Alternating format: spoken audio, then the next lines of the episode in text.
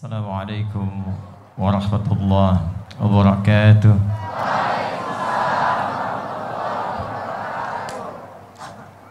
الحمد لله الذي جعلنا المؤمنين فأمرنا بالعبادة لنكون من المتقين.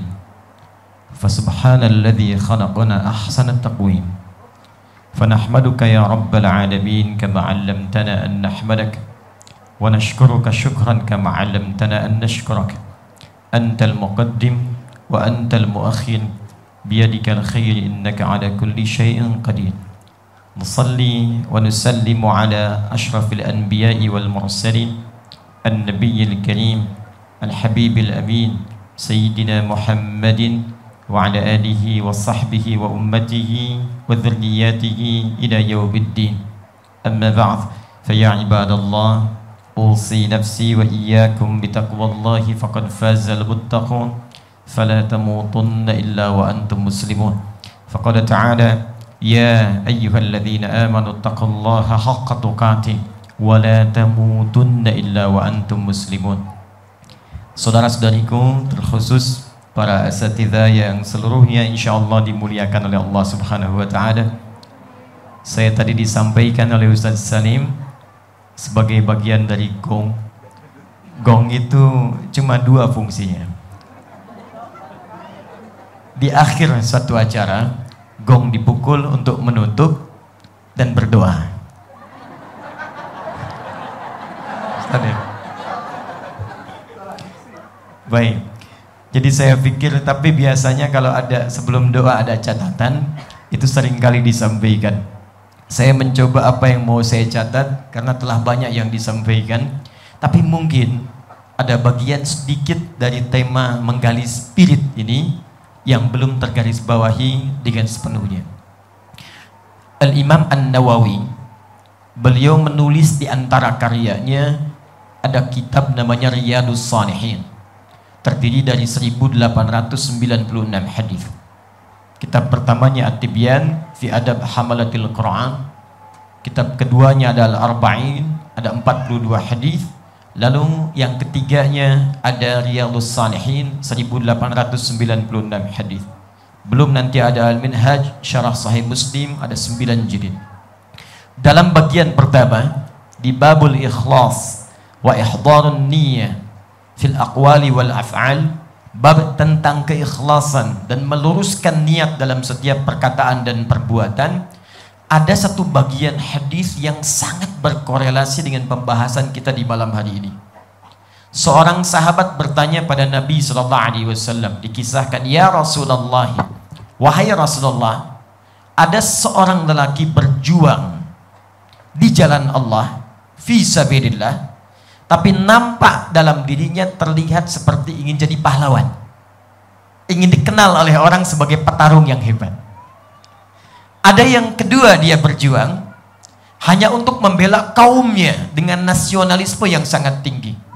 Maka pertanyaan seorang lelaki ini, "Ya Rasulullah, ayyuma fi sabilillah?" Di antara dua ini, yang satu berjuang untuk disebut sebagai pahlawan, dan yang kedua berjuang untuk menampakkan sosok nasionalisme yang tinggi menjaga komunitasnya di mana di antara dua ini yang termasuk fi sabilillah. Apa jawab Nabi?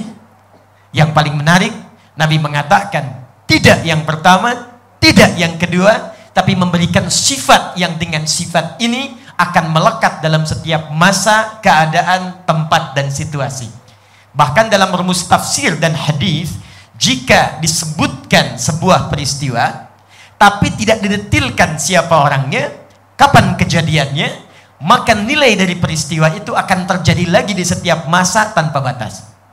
Contoh, kenal Firaun? Hmm, bagus. Cuma di Joko Karian ada akhwat kenal Firaun. Alhamdulillah. Saya tadi malam baru dari Al Irsyad ada yang kenal terhadap Uthman bin Affan. Masih agak lumayan saya pikir di sini Firaun. Allah ya adil. Baik, Firaun itu sejahat-jahatnya Firaun, seburuk-buruknya Firaun, Tapi ternyata yang menarik tidak pernah disebutkan nama aslinya. Disebutkan gelarnya Farao. Bahasa Arabnya Fir'aun, Raja Mesir. Zolimnya luar biasa. Mengaku Tuhan, Ana Rabbukumul A'la. Saya Tuhan kalian yang paling hebat. Orang sekarang zaman modern, sehebat-hebatnya paling banter ngaku Nabi. Anda bayangkan. Saya diskusi dengan MUI Jawa Barat. Di Jawa Barat itu Ustaz Salim, itu setiap bulan ada Nabi baru Ustaz Salim. Setiap bulan. Dulu AM pelatih bulu tangkis pergi ke Bogor, pulang-pulang ngaku dapat wahyu. Tanya polisi, kenapa anda mengaku Nabi? Saya ke Bogor dapat wahyu pak. Anda bayangkan, orang ke Bogor dapat talas, dia wahyu. Bandung gak mau kalah, es tukang cukur. Ngaku Nabi. Sebetulnya kata Nabi dulu Sallallahu Alaihi Wasallam, gak usah heran. La ya ba'di. Akan tiba setelah saya orang-orang yang ngaku Nabi. Begitu mereka mengaku, rumusnya gampang. Lah, pakai nafi aja, sudah nggak usah diakui. Rumusnya gampang. Cuman persoalannya, bukan karena ditolaknya. Setiap ada yang ngaku, ada pengikutnya. Itu masalahnya. Jakarta nggak mau kalah. Ini mungkin tingkat agak sedikit naik levelnya. Karena ibu kota negara, LE naik level, malaikat. Betul, dulu minta izin pada gubernur yang terdahulu mendaratkan malaikat Jibril di Monas. Masya Allah. Tangkap polisi. Polisi kita luar biasa, jangankan teroris, malaikat tangkap tuh. Ngaku Tuhan, hobi bunuh orang, menyelewengkan kekuasaan. Quran surah kedua Habib Anis ayat 49 paling kiri sebelah atas.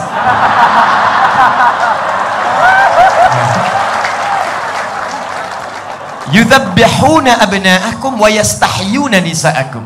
Hobinya bunuh orang.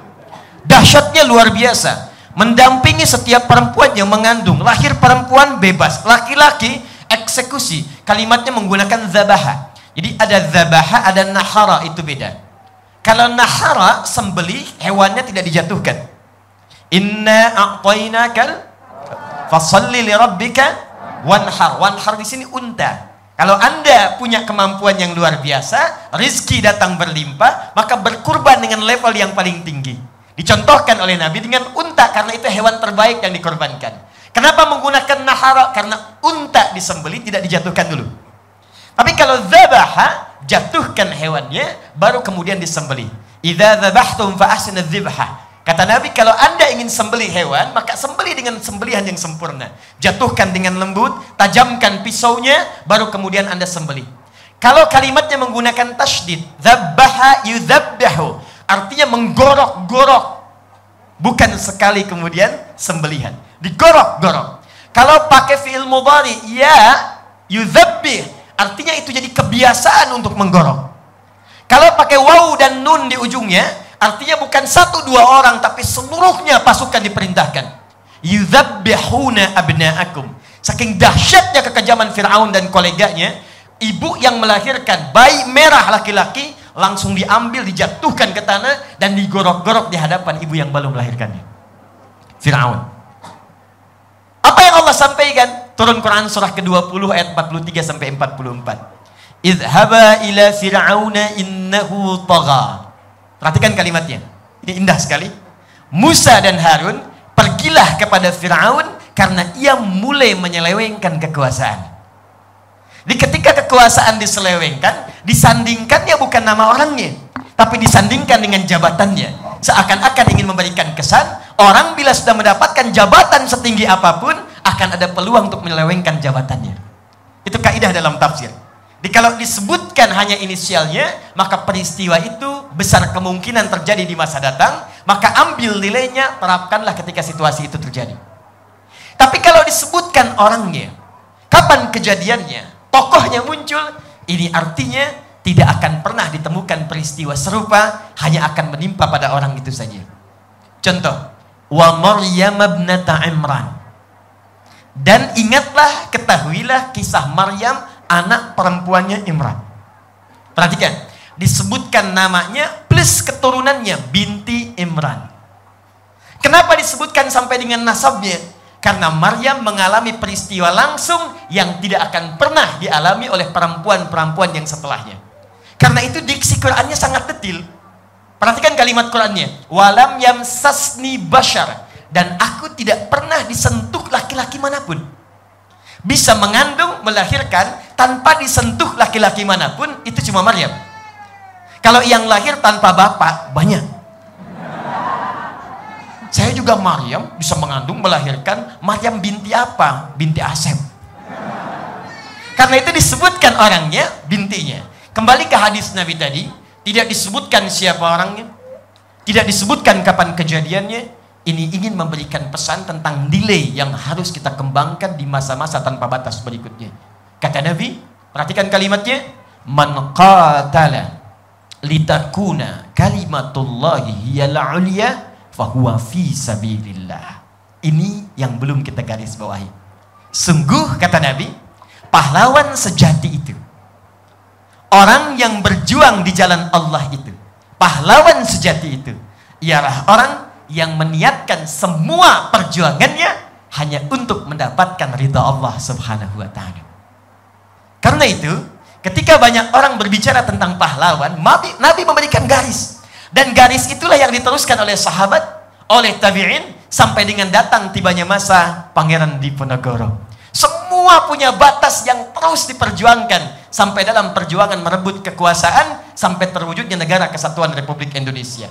Jadi kaidahnya tidak ada para ulama kita, tidak ada para pejuang kita yang ketika mempertaruhkan nyawanya, darahnya, keringatnya, waktunya, tenaganya bukan sekedar untuk mendapatkan gelar pahlawan semata. Itu jauh dari gambarannya.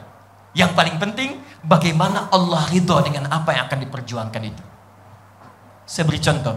Tadi Ustadz Felix menyebutkan Profesor Ahmad Mansur Surya Negara. Beliau punya buku Api Sejarah. Di jilid yang pertama, cetakan tahun 2013, halaman 159 Habib Anis. Ya. Paragraf ketiga, posisi paling kanan sebelah bawah.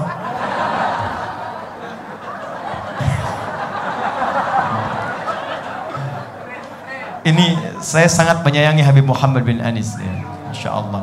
Anis dari kata al-in saya pernah sampaikan saat di Jakarta dari kata anu, anusah akarnya al-ins disebutkan 18 kali dalam Al-Quran. Artinya sosok yang lembut ramah tampak. Dan selalu disandingkan dengan jin dalam Al-Quran.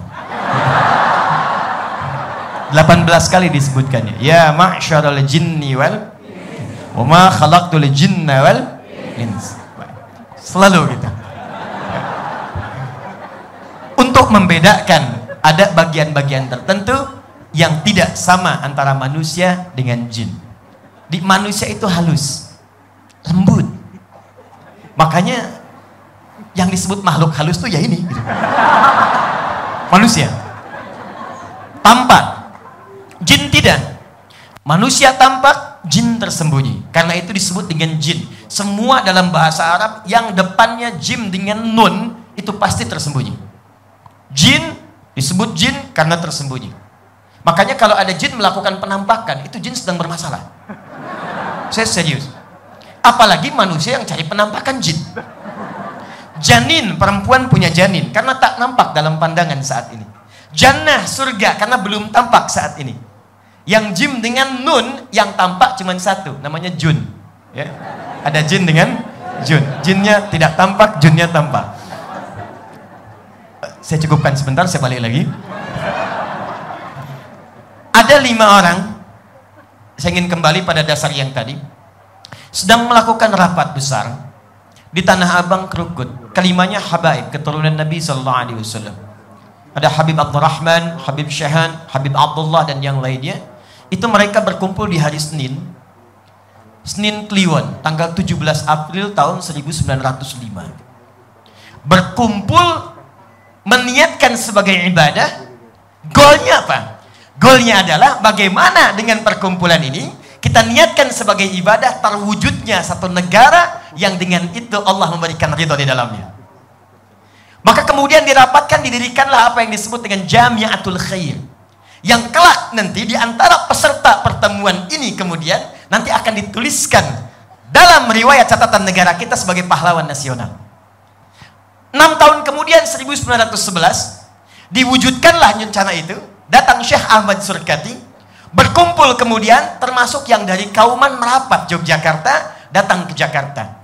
Dialah Muhammad Darwish, Syekh Muhammad Darwish yang nanti berguru kepada Syekh Ahmad Khatib Al-Minangkabawi dan pulang menjadi Kiai Haji Ahmad Dahlan bin Kiai Haji Abu Bakar bin Kiai Ilyas bin Kiai Sulaiman bin Demang Jurang Juru Kapindo bin Demang Jurang Juru Sapisan bin Kiai Gerbek bin Maulana Ishaq min Jili eh, Ali Zainal Al-Akbar min Jili Ali Zainal Abidin keturunan Al-Husain adik Al-Hasan anaknya Ali bin Abi Thalib radhiyallahu taala anhu suami dari Fatimah Az-Zahra binti Muhammadin sallallahu alaihi wasallam bin Abdullah bin Abdul Muttalib bin Hashim bin Abdul Manaf bin Qusay bin Murrah bin Kilab bin Ka'ab bin Ghalib bin Fihir bin Malik bin Nadar bin Kinana bin Khuzaimah bin Mudrika bin Ilyas bin Nizar bin Mudar bin Ma'ad bin Adnan bin Addi bin Adri bin Muqawwam bin Nahur bin Tarikh bin Ya'rub bin Yasjub bin Nabit bin Ismail alaihissalam bin Ibrahim alaihissalam bin Azar bin Nahur bin Abir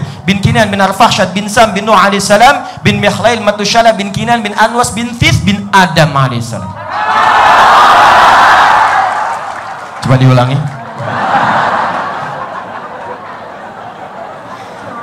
Jadi saya mau katakan dasar rumusan yang membuat link sampai ke Solo ke Haji Samanhudi ke Surabaya Haji Omar Said Cokro Aminoto saya kemarin baru dari sana itu siapa yang merumuskan itu semua? Sampai lahirnya kemudian yang tidak bisa dicapai dengan 300 tahun lebih kemudian berkurang nolnya dengan pertemuan itu hanya 34 tahun. Tercapailah kemudian kemerdekaan proklamasi kemerdekaan negara kesatuan Republik Indonesia yang disampaikan di jalan pegangsaan timur itu selalu disebutkan nomor 56 kalau anda katakan jalan itu cuma jalannya. Tapi kalau anda katakan nomor sekian itu pasti lokasinya. Pertanyaan saya kenapa tidak disebutkan nama lokasinya? Karena ternyata itu pun saham dari seorang muslim yang sangat mencintai tanah tempat dia berpijak untuk dijadikan proklamasi kemerdekaan negara kesatuan Republik Indonesia. Dialah Syekh Faraj bin Marta. Mewakafkan rumahnya. Tapi persoalannya adalah Kiai Ahmad Dahlan alhamdulillah pahlawan nasional. Kiai Muhammad Hashim bin Ash'ari pahlawan nasional. Kiai Kahar Mudzakkir belakangan pahlawan nasional. Tapi tahukah Anda pahlawan tertinggi yang tertanam dalam sanubari mereka adalah ketika dituliskan oleh Allah semua perjuangan itu fi sabilillah. Dan inilah yang diwariskan sampai dengan kepada Pangeran Diponegoro dan ulama-ulama serta perjuang-pejuang setelahnya. Jadi dasar spiritnya itu bukan sekedar menjadi pahlawan. Kalau cuma jadi pahlawan, banyak pahlawan. Bahkan yang belum punya spirit iman pun itu sudah jadi pahlawan. Di Amerika punya pahlawan. Di Eropa punya pahlawan. Di Inggris punya pahlawan. Di tempat-tempat mana pun di bumi selalu ada pahlawannya. Likulli makanin batalullah. Setiap tempat itu selalu punya pahlawannya. Tapi apakah di setiap tempat selalu ada mujahid fi sabilillahnya?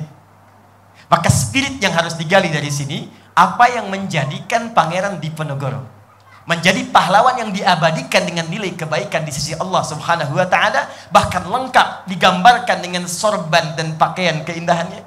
Walibasut taqwa dzalika khair dengan pakaian takwanya tentunya bukan hanya sekedar perjuangannya tapi keikhlasannya untuk mendekat kepada Allah Subhanahu wa taala.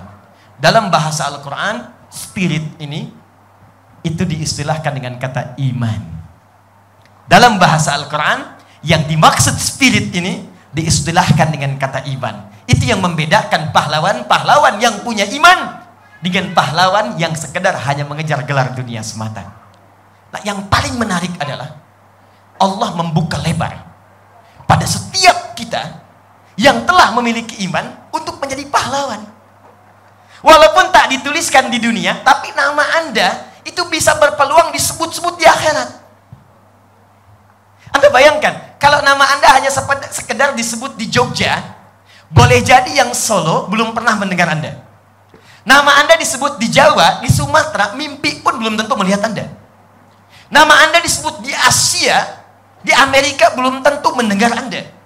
Tapi ketika kita berpulang pada Allah Subhanahu wa taala dan dikumpulkan seluruh makhluk, manusiakah, jinkah, malaikatkah, maka berbahagialah ketika nama Anda disebutkan di situ dan mengguncang seluruh penghuni langit dan bumi sebelum Anda diapresiasi untuk mendapatkan surga yang tertinggi itu.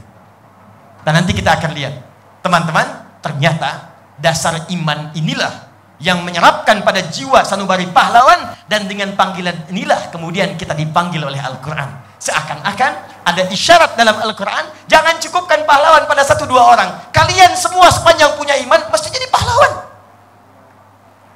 Mesti di pahlawan ambil nilainya, terapkan di masa kita hidup. Dan ternyata ketika iman ini melekat pada jiwa, ada lima jaminan yang Allah berikan dalam kehidupan. Perhatikan baik-baik jaminan ini. Satu, orang yang telah menghadirkan iman dalam jiwanya, maka ia diberi kabar gembira oleh Allah sebelum wafatnya bahwa ia akan menjadi penghuni surga. Quran surah kedua ayat 25, paling kanan sebelah atas di mushaf. Al-Baqarah. وبشر الذين آمنوا وعملوا الصالحات أن لهم جنات تجري من تحتها الأنهار Kata Allah, Ya Muhammad, berikan kabar gembira kepada hamba-hambaku yang telah punya iman. Ayat ini diturunkan untuk menyampaikan pesan pada yang masih hidup, bukan yang telah wafat. Ingat bedanya, kalau yang telah wafat, itu biasanya redaksi Qur'annya istabsyara, yastabsyiru. Tapi kalau masih hidup, basyara yubasyiru. Quran surah ketiga ayat 169.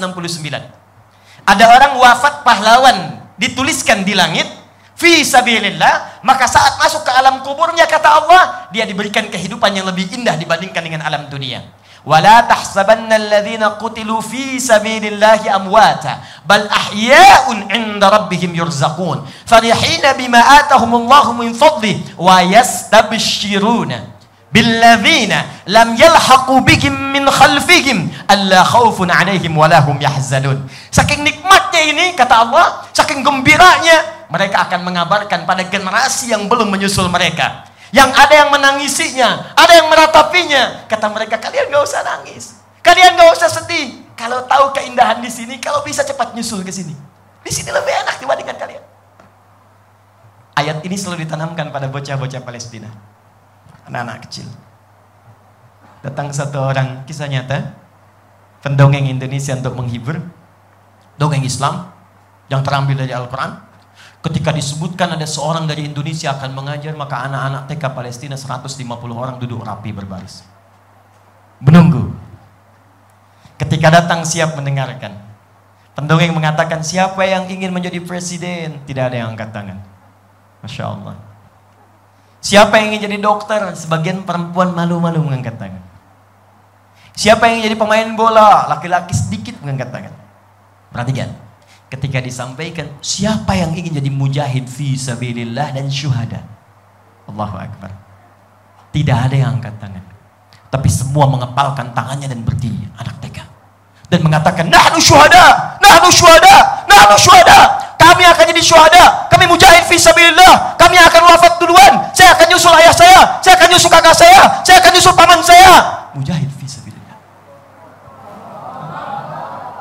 Tidak ada satupun yang wafat di sana. Keluarganya menangisi dengan air mata. Tapi mereka akan membawa manisan dan datang kepada tetangganya mengatakan, Saudaraku sudah pergi duluan. Mudah-mudahan aku bisa menyusulnya dengan kenikmatan yang lebih daripada manisan ini. Ayat ini hadir dalam jiwa mereka. Ayatnya, bukan sekedar bacaannya. Satu.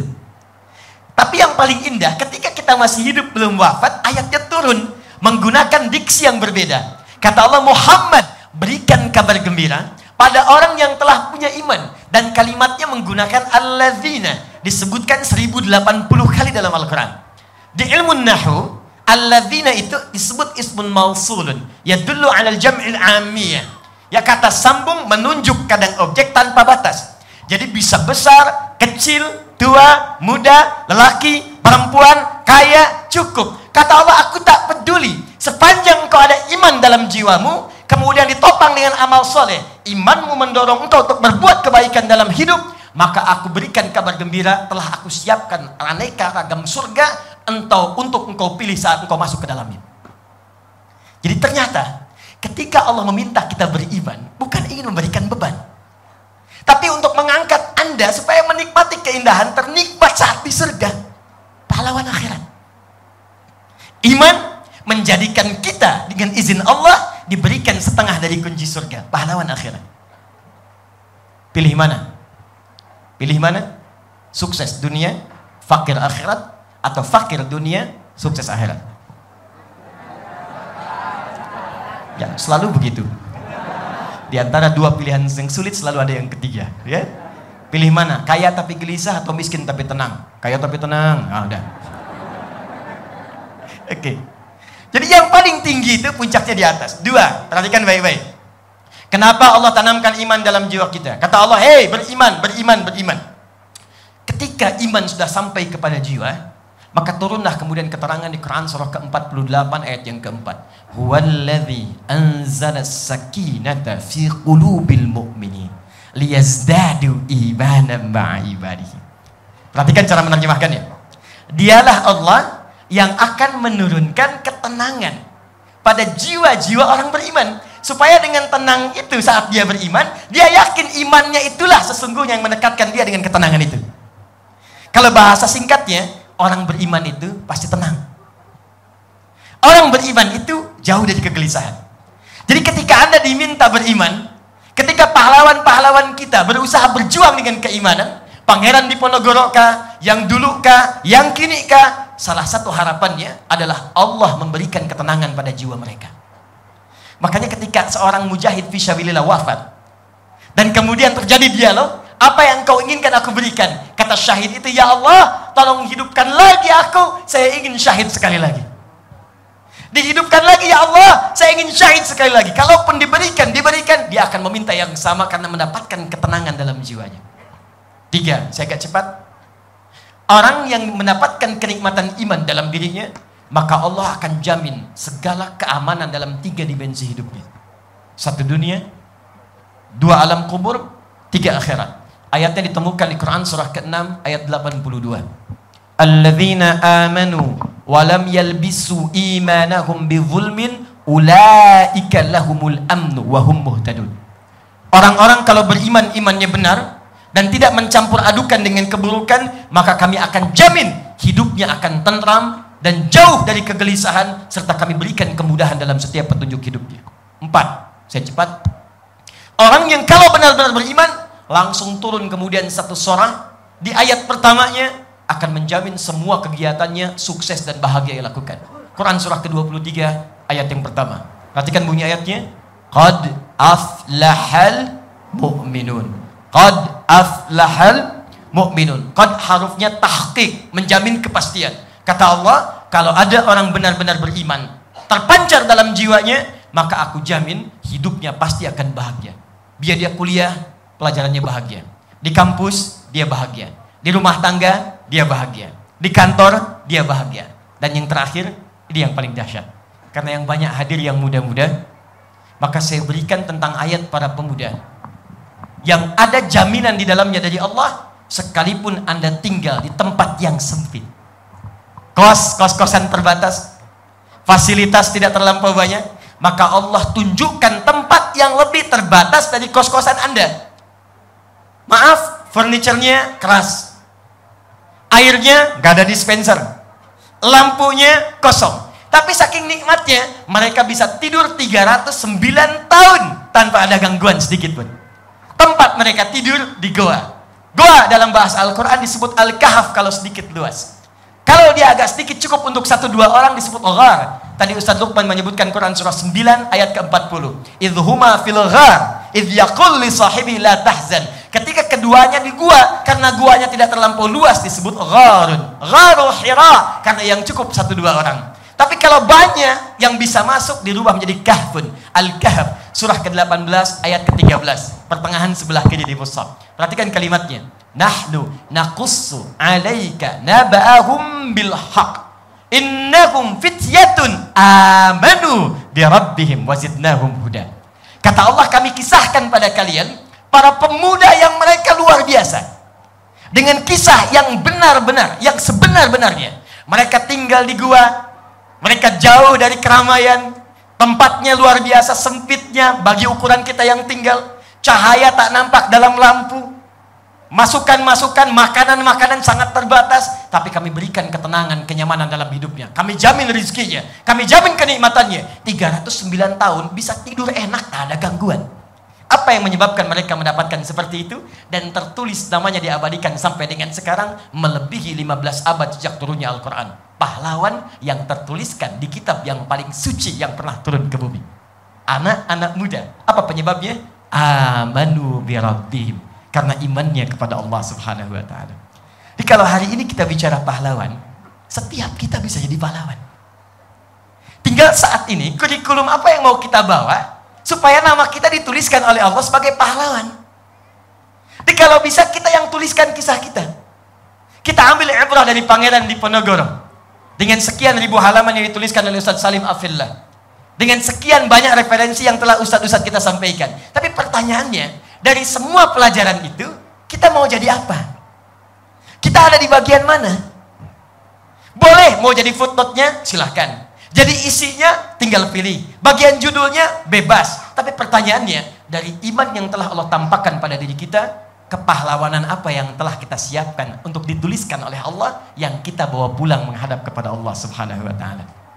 Sebentar, sebelum saya tuliskan sampai jam berapa sih Ustaz? Masih ada waktu? Sampai jam berapa? Oh, Oke, okay, baik. Ya, boleh, boleh. Gak ada masalah saya. ya, masih cukup kok. Anda mau sampai subuh di sini silakan. Saya jam 11 pulang. Lihat sini. Siapa yang beriman boleh angkat tangan? Yang beriman boleh angkat tangan. Masya Allah. Dah turunkan. Siapa yang mau masuk surga angkat tangan? Uh, Masya Allah. Dah turunkan. Surganya Firdaus. Alhamdulillah. Yang mau dengan Nabi Muhammad SAW di surga. Masya Allah. Dan turunkan. Yang gak punya dosa, angkat tangan.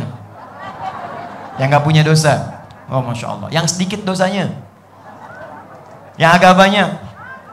Masya Allah. Saking banyaknya gak bisa ngangkat ya. Luar biasa. Ngaku banyak dosa, pengen surga Firdaus dengan Nabi lagi. Oke, Oke, sekarang kembalikan. Yuk bagaimana cara nutup dengan cepatnya. Saya simpan dulu yang tadi saya tanyakan, sekarang saya balikan kepada iman. Perhatikan baik-baik.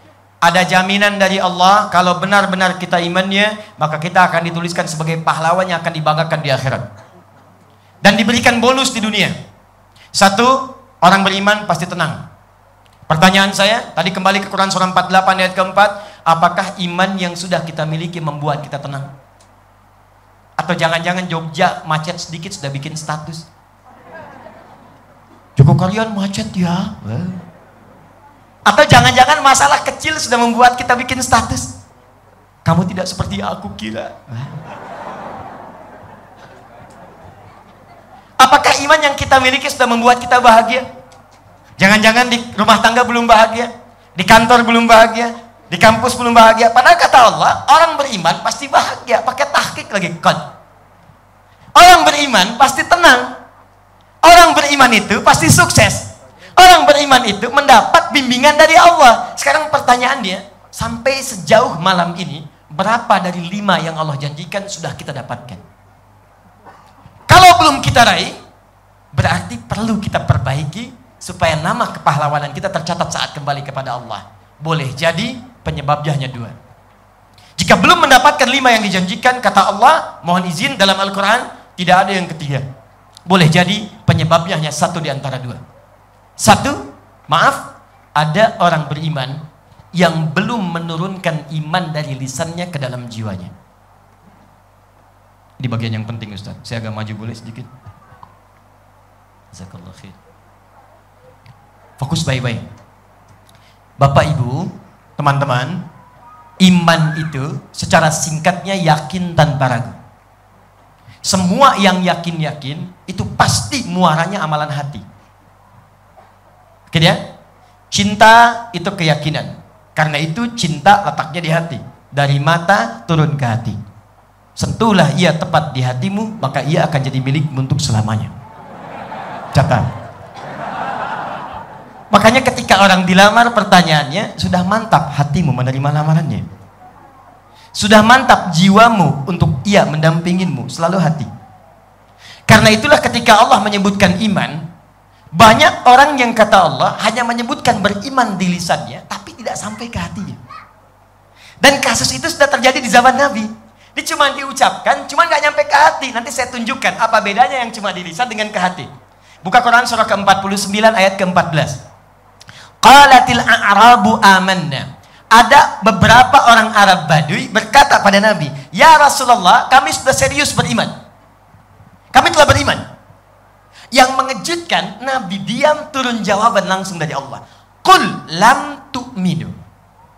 Katakan Muhammad, kalian belum serius imannya. Walakin qulu aslamna. Tapi ajarkan mereka, kalian baru masuk Islam. Karena syarat masuk Islam yang pertama keluar kalimat iman di lisannya. Asyhadu an la ilaha illallah. Iman pertama iman kepada Allah dibuktikan dengan iqraram bil lisan. Dengan lisan asyhadu an la ilaha illallah wa asyhadu anna Muhammadan Rasulullah. Cuman sayang kata Allah, walamma yadkhulul imanu fi qulubikum. Cuma iman yang diucapkan di lisan itu nggak nyampe ke hati. Apa bedanya? kalau iman itu tembus kepada hati, bersemayam di jiwa, nanti iman itu akan punya pancaran yang membimbing seluruh tubuh kita untuk beraktivitas. Jadilah kemudian orang ini disebut mukmin. Apa itu mukmin? Orang yang beraktivitas dibimbing oleh imannya. Pancarannya disebut fajar namanya. Di kalau nafsu itu punya pancaran disebut fujur, kalau iman punya pancaran disebut fajar. Karena itu sholat pertama disebut dengan fajar. Kenapa disebut fajar? Karena ketika dipanggil dengan nama Allah, Allahu Akbar, Allahu Akbar, ada pancaran iman dalam jiwa kita untuk merespon suara itu. Nafsu punya pancaran disebut fujur. Quran surah 91 ayat 7 sampai 10. Wa nafsi wa ma sawaha fa alhamaha fujuraha wa taqwaha. Fujur itu nama lain dari nafsu, pancarannya. Nafsu disebutkan 115 kali dalam Al-Quran, takwa disebutkan 115 kali dalam Al-Quran. Di pancaran kebaikan takwa, pancarannya disebut fajar namanya. Iman. Nafsu, pancarannya fujur. Makanya begitu anda dengar suara adzan atau akan masuk waktu sholat, bukankah dalam diri kita mengatakan cepat siap-siap, mau subuh. Pernah ada begitu? Begitu selesai adzan, tenang aja, baru adzan, belum komat. Nah, itu fujur.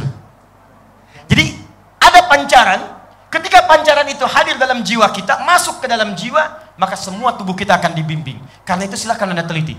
Tidak pernah Allah, kalau Anda ingin disebutkan, dituliskan pahlawan saat pulang kepada Allah, perhatikan rumusnya, hanya dua saja. Tidak pernah disebutkan anggota tubuh kita dalam Al-Quran, kecuali pada umumnya selalu akan didahului dengan kalimat iman sebelumnya. Seakan-akan memberikan kesan, tubuh orang yang beriman itu pasti akan dibimbing fungsinya oleh iman yang tertanam dalam jiwanya. Contoh, saya mulai dari kepala dengan cepat, mata. Apa fungsi mata? Oke, okay, melihat. Baik, apa bedanya dengan kambing? Kambing melihat juga. Elang melihat juga. Anda pergi dengan pesawat naik Garuda, elang terbang ke udara, anak ayam kelihatan oleh elang, Anda terbang dengan Garuda, anak sendiri nggak nampak. Dan Garuda setajam-tajamnya, elang setajam-tajamnya, matanya tidak dihisap, mata kita dihisap. Quran surah ke-17 ayat 36. Wala taqfu ma laysa laka bihi ilmun innas sam'a wal basara wal fuada kullu ulaika kana anhu mas'ula. Hati-hati, jangan mudah mengikuti sesuatu kalau tak tahu informasinya, tak tahu ilmunya.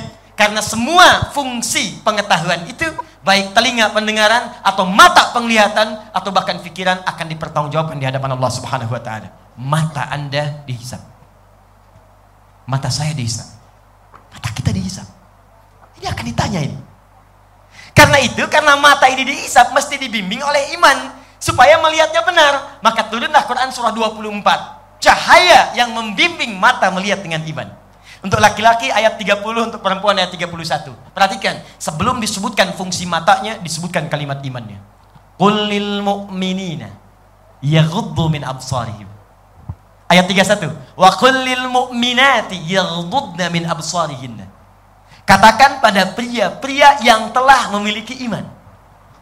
Dan katakan pada seluruh perempuan-perempuan yang telah memiliki iman. Ayat ini hanya berlaku bagi yang telah punya iman.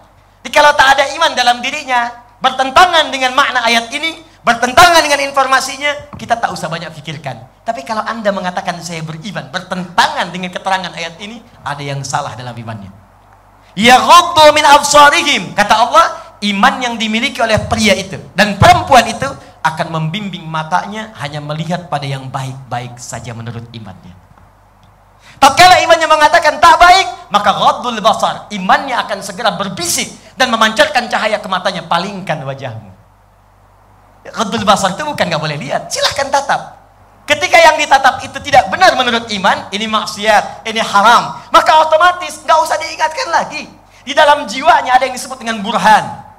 Walakad hammat fi wa hamma biha laula arwa burhana rabbi. Surat Yusuf.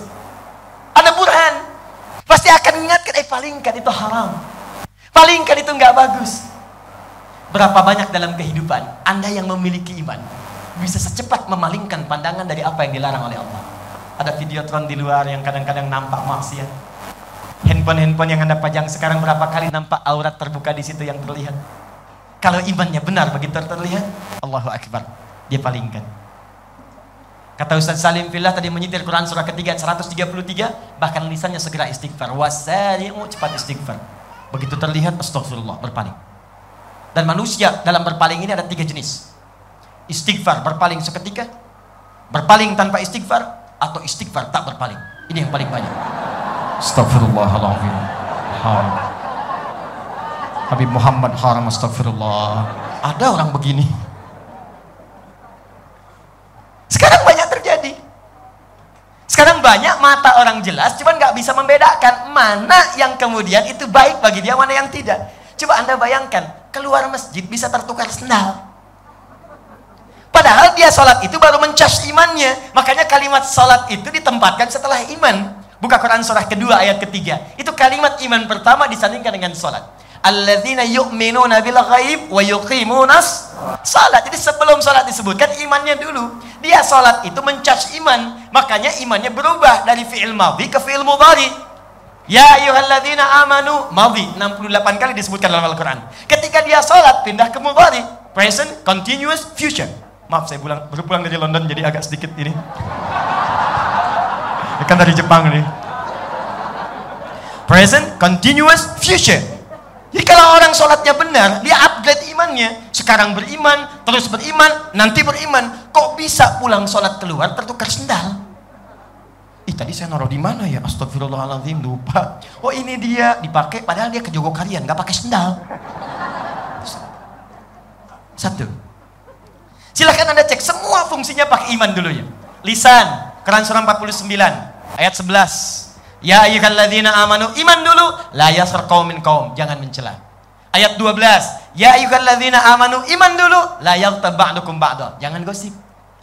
Di lisan kita itu kalau benar-benar beriman, imannya membimbing. Kalimat nabinya, "Man kana yu'minu billahi wal yaumil akhir, falyaqul khairan aw liyasmut." Siapa yang merasa beriman pada Allah dan dia sadar akan dihisab di yaumil qiyamah, maka pasti dia akan jaga lisannya hanya berkata pada yang baik saja, tak mampu diam. Di lisan orang beriman itu, dia akan menemukan yang baik. Gosip dia jauhi. Jadi kalau ada orang beriman malah bikin gosip, pasti ada yang salah di lisannya. Anda nggak akan jadi pahlawan nanti hari kiamat. Saya tidak Ustaz, bagus. Tidak seperti ukti yang itu tuh. Uh, ya mah kalau gosip tuh, uh luar biasa. Sama. Tuh. Contoh, Nabi Muhammad SAW punya cucu, di antaranya Al-Hasan. Masya Allah. Sayyidus Syabab Yawmal Qiyamah. Penghulu para pemuda di hari kiamat dengan Sayyidina Al-Husain radhiyallahu taala anhuma.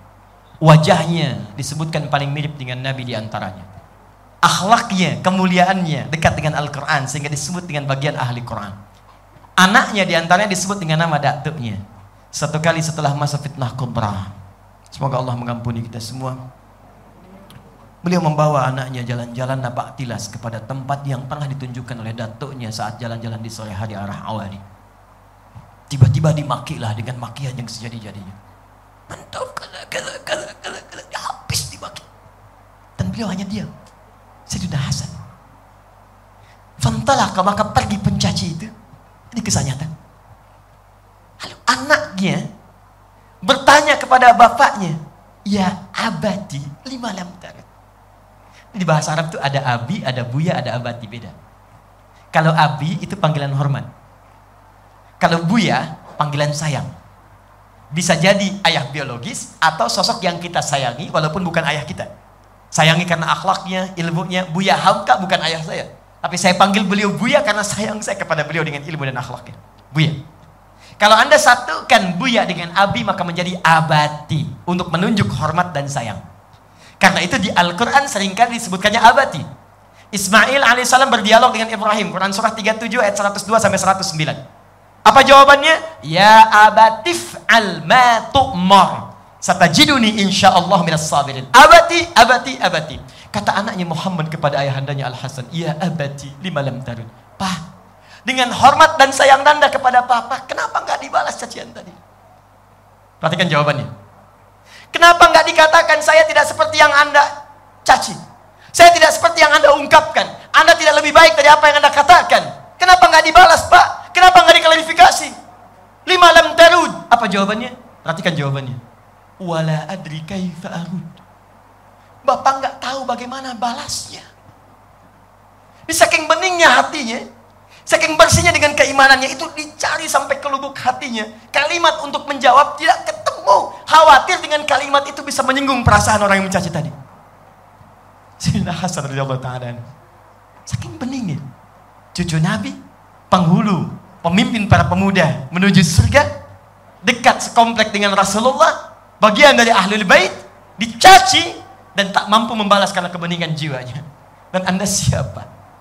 Pahlawan belum dituliskan. Surga belum termaktubkan yang kita ketahui sampai saat ini. Hisab masih menegangkan, amalan berantakan. Orang baru mencaci satu huruf, Anda membalas dengan satu buku. Dan Anda berharap dituliskan sebagai pahlawan di hari kiamat. Anda siapa? Maka dari itu saya ingin katakan, ayo kita evaluasi dulu. Sebelum kita membahas yang lebih jauh-jauh, kita ambil yang paling singkat saja. Apakah iman yang telah mendasari di Penogoro menjadi seorang pahlawan yang luar biasa, dituliskan kemuliaannya di dunia, ditetapkan oleh negara kita, dan diabadikan oleh Allah dengan segala kemuliaan yang dibahas hampir setiap tahunnya? Pertanyaannya, apakah kaidah iman itu masih bisa kita pertahankan dan menuliskan cerita kita sendiri untuk jadi pahlawan di masa depan? Terakhir, jika kita ingin mendapatinya, maka Allah berikan rumusnya. Saya ulang, jika kita ingin mendapatinya dan dituliskan sebagai pahlawan seperti orang dulu melakukannya, maka kita diberikan kuncinya oleh Allah Subhanahu wa taala. Ini bagian terakhir yang ingin saya sampaikan. Apa penutupnya? Perhatikan baik-baik. Jika Anda ingin mengaktifkan sel iman kita dalam jiwa supaya membimbing tubuh kita beraktivitas, maka jalan terbaiknya kata Allah, mulailah dengan membiasakan takwa kepada Allah Subhanahu wa taala. Takwa. Karena itu sering kali kalimat iman disandingkan dengan takwa. Quran surah ketiga, ini pesan para asatif sejak dulu ketika memulai ta'limnya. Quran surah 3 ayat 102, paling kanan sebelah atas di mushaf. Ya ayyuhalladzina amanu ittaqullaha haqqa tuqatih. Wa la tamutunna illa wa antum muslimun. Hei orang-orang beriman, ayo latih imanmu, kuatkan imanmu. Dengan cara apa? Tingkatkan takwamu dengan cara yang benar kepada Allah Subhanahu wa taala. Dan kalimat takwa Bagaimana Ustadz meningkatkan takwa? Takwa tadi disebutkan 115 kali dalam Al-Quran dan tidak pernah disebutkan kalimat takwa kecuali selalu bersanding dengan amal soleh. Silahkan Anda cek. Setiap disebutkan takwa, entah sebelum atau setelahnya, pasti amal soleh. Dan imannya ikut. Kalimat takwa pertama Al-Baqarah ayat 2, sambungkan ke ayat 3. Dzalikal kitabu la raiba fi hudallil muttaqin. Siapa orang takwa di sini? Ayat 3-nya, alladzina yu'minuna bil ghaib iman. Amal solehnya wa yuqimuna shalah ya ayyuhalladzina amanu al-baqarah 183 kutiba alaikumus siyam. Iman puasa amal solehnya. Ujungnya la'allakum tattaqun takwa haji takwa Al-Baqarah 197 Al-Hajju ashhurum ma'lumat. Faman farada fihinna al-hajja fala rafatha wala fusuqa wala jidala fil hajj. Wa ma taf'alu min khairin ya'lamuhu Allah wa tazawwadu fa inna khairaz zadi taqwa. Takwa takwa takwa kalau biasanya ada papan tulis, saya suka tuliskan begini. Ada iman, ada takwa, amal soleh. Iman sama dengan takwa, sama dengan amal soleh. Kalau persamaan ini dibawa ke fisika atau ke matematika, bila A sama dengan B sama dengan C, maka A sama dengan C. Betul? A sama dengan B dan sama dengan C, maka A sama dengan C. Bila iman sama dengan takwa, sama dengan amal soleh, maka iman rumusnya sama dengan amal soleh. Kalau anda tutup takwanya, sandingkan iman sama dengan amal soleh. Kalau anda imannya ingin aktif sel yang membimbing tubuh kita, maka perbanyak amal soleh. Karena itulah turun surah ke-103 yang menyandingkan iman dengan amal soleh. Walas innal insana lafi illa alladhina amanu wa amilus salihat. Karena itu jika ingin dituliskan diri kita menjadi pahlawan di hari kiamat, maka mulai sekarang coba pilih alternatif amal soleh. Secara umum ada delapan nanti amal soleh dalam Al-Quran yang akan membuka pintu surga yang delapan jenis itu. Jika Anda hobi puasa, maka selamat. Anda akan dituliskan sebagai pahlawan di hari kiamat. Masuk pintunya namanya pintu Ar-Rayyan. Diabadikan di Al-Bukhari. Inna fil jannati baban yuqalu Ar-Rayyan. La yadkhuluhu illa saimun. Di surga nanti ada pahlawan-pahlawan dunia yang masuk ke dalamnya. Ada pintu namanya pintu Ar-Rayyan yang tidak akan dimasuki kecuali oleh orang-orang yang rajin puasa. Silahkan. Anda kalau ingin tahajud, ada babu tahajud. Ada amalannya. Anda kalau ahli sedekah, ikut lelang dan sebagainya tadi, ada pintu sedekah yang hanya boleh masuk orang sedekah saja, yang lain tak boleh masuk. Selamat kepada dua orang tadi. Insya Allah masuk lewat pintu tadi. Tidak cukup dengan amin, yang lain ikut. Siapa yang lainnya? Nah, saya ingin tutup ada satu pintu yang sekarang diperebutkan oleh banyak orang. Dan saya mohon kepada Anda, setidaknya Anda mencoba. Karena kalau Anda terlambat, Anda akan kehilangan kesempatannya karena semua orang saat ini berburu pintu itu. Hanya pintu ini yang ketika akan dimasuki bahkan sebelum masuk di dunia rezekinya akan dimudahkan oleh Allah akan dijaga oleh Allah kalau dia wafat jasadnya dijaga utuh oleh Allah di alam kubur di hari kiamat saat dibangkitkan sebelum masuk surga orang lain dihisap dia diberikan penghargaan dipakaikan mahkota di kepalanya dipakaikan gelang-gelang emas di tangannya dipakaikan baju sutra di dalam badannya yang paling dahsyat sebelum masuk ke surganya dipanggil kedua orang tuanya yang soleh juga, yang beriman juga untuk dipakaikan di kepalanya mahkota, diapit oleh anak yang telah dilahirkan oleh ibundanya, dikandung 9 bulan 10 hari, apit dengan tangan kanannya, tangan kiri ayahandanya, ada istri mengikuti, ada semua keturunan mengikuti dan disambut oleh malaikat di setiap pintu surga. Dia akan masuk surga tertinggi melalui setiap pintu surga dan dijemput oleh para malaikat. Amalan ini adalah amalan ahli Al-Quran. Amalan ahli Al-Quran. Quran surah 35, saya tutup. Ayat 33, paling kiri agak ke atas di mushaf. Jannatu adnin yadkhulunaha. Ada nanti golongan ahli Quran akan masuk surga lewat surga Aden. Yuhallawna fiha min asawir. Sebelum masuk tubuhnya akan dihiasi dulu dengan mahkota-mahkota dan gelang-gelang yang indah sekali maaf min asawir min zahabi walu'lu'a dari emas-emas dan permata-permata yang kemilau. Walibasuhum fi harir. Sedangkan pakaiannya terdiri dari sutra. At-Tirmidzi nomor hadis 2015. Dipakaikan di atas kepalanya tajul karamah. Maka dipanggil orang tuanya. Dipakaikan di atas kepala orang tuanya oleh tangan anaknya yang telah dilahirkannya. Mahkota kehormatan. Di seluruh persaksian seluruh penduduk langit dan bumi. Kemudian Qurannya berkata Allah bezidhu. Ya Allah tambahkan kepada penghafal. Bedakan dengan fasilitator. Fayul basu ilahi libasul karamah. Maka dipakaikan kemudian jubah kehormatan. Kemudian sebelum masuk, maka diminta untuk menggandeng bapaknya, gandeng ibunya, gandeng istrinya, gandeng suaminya kalau dia istri, gandeng semua keluarganya. Turun Quran surah ke-13 ayat ke-23 sampai 24 jannatu adnin yadkhulunaha wa man salaha min abaihim wa azwajihim wa dzurriyyatihim kemudian mereka masuk ke surga. Wal malaikatu yadkhuluna alaihim min kulli bab. Sementara semua malaikat menunggu di pintu surga untuk menyambut mereka. Salamun alaikum bima sabartum. Mereka mengatakan kompak selamat di dunia sabar selamat di dunia sabar kamu pahlawan terbaik sampai saat ini fa ni'ma uqbadar silahkan nikmati kenikmatan surga yang telah disiapkan oleh Allah Subhanahu wa taala siapa mereka ahli Quran. Jahiliyah itu hilang, menjadi khair ummah karena Al-Quran. Kriminalitas hilang karena Al-Quran. Di Ponorogo dituliskan sebagai pahlawan karena dekatnya dengan Al-Quran. Semua ulama memulai dengan Al-Quran. Semua orang hebat memulai dari Al-Quran. Al-Kindi, Al-Farabi, Al-Ghazali, Al-Khwarizmi dan sebagainya. Syekh Anis tadi bikin menyampaikan puisinya Syekh Omar bin Hafid. Itu rumus di ilmu arudnya namanya rumusnya Rajaz. Ada 16 rumus disebut dengan Bahar. Tawil, tawilun lahu dunal buhur fadailu faulun mafailun faulun mafailu. Rajas mustafilun mustafilun mustafilun mustafilun mustafilun mustafilun. Sautus safiril bulbuli hayyaja qalbi tamili al ma'u wa zahru ma ma zahri lahul muqali fa anta yasalli li wa sayyidi wa maulali fakam fakam tayyumuni ghuzailun uqayqali kataftuhu min datin fil hadar rajuli faqala la la la la faqad ghana muharwili wal walad wal walad wali wali wailali faqultu la tuwalwili fabainul lu'lu ali qalat law hina kadha waridul muqali kahatan kakailali tabtabitab tabtabitab tabtabitab tabtabuli itu rumus yang tadi Ya, Ustaz Umar bisa diulang? Ya. Nah, itu rumus di zaman jahiliyah masih jadi puisi. Kapan kemudian jadi syair yang baik, bahkan keilmuan ketika datang Al-Quran.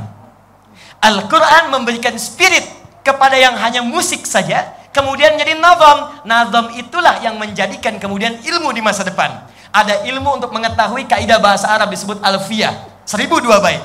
Kalamuna lafzun mufidun kastaqim wasbun mafi'lun thumma harfunil kalim wahiduhu kalimatun wal qawlu am wa kalimatun biha kalamun qad yu'am bil jarni wat tanwini wan nida wa al musadin lisni tamizun hasal bitafa'ati atat wa ya if'al li wa nunik balan nafi'lun yanjali ada lagi nanti alfiah dalam ilmu kiraat. Ada alfiah suyuti dalam ilmu hadis. Termasuk dalam madahin Nabi Sallallahu Alaihi Wasallam al-Mustafa. Cuman sayang saat Qurannya ditinggalkan, diambil kemudian ke barat oleh orang-orang Eropa, maka berubah menjadi notasi musik kembali.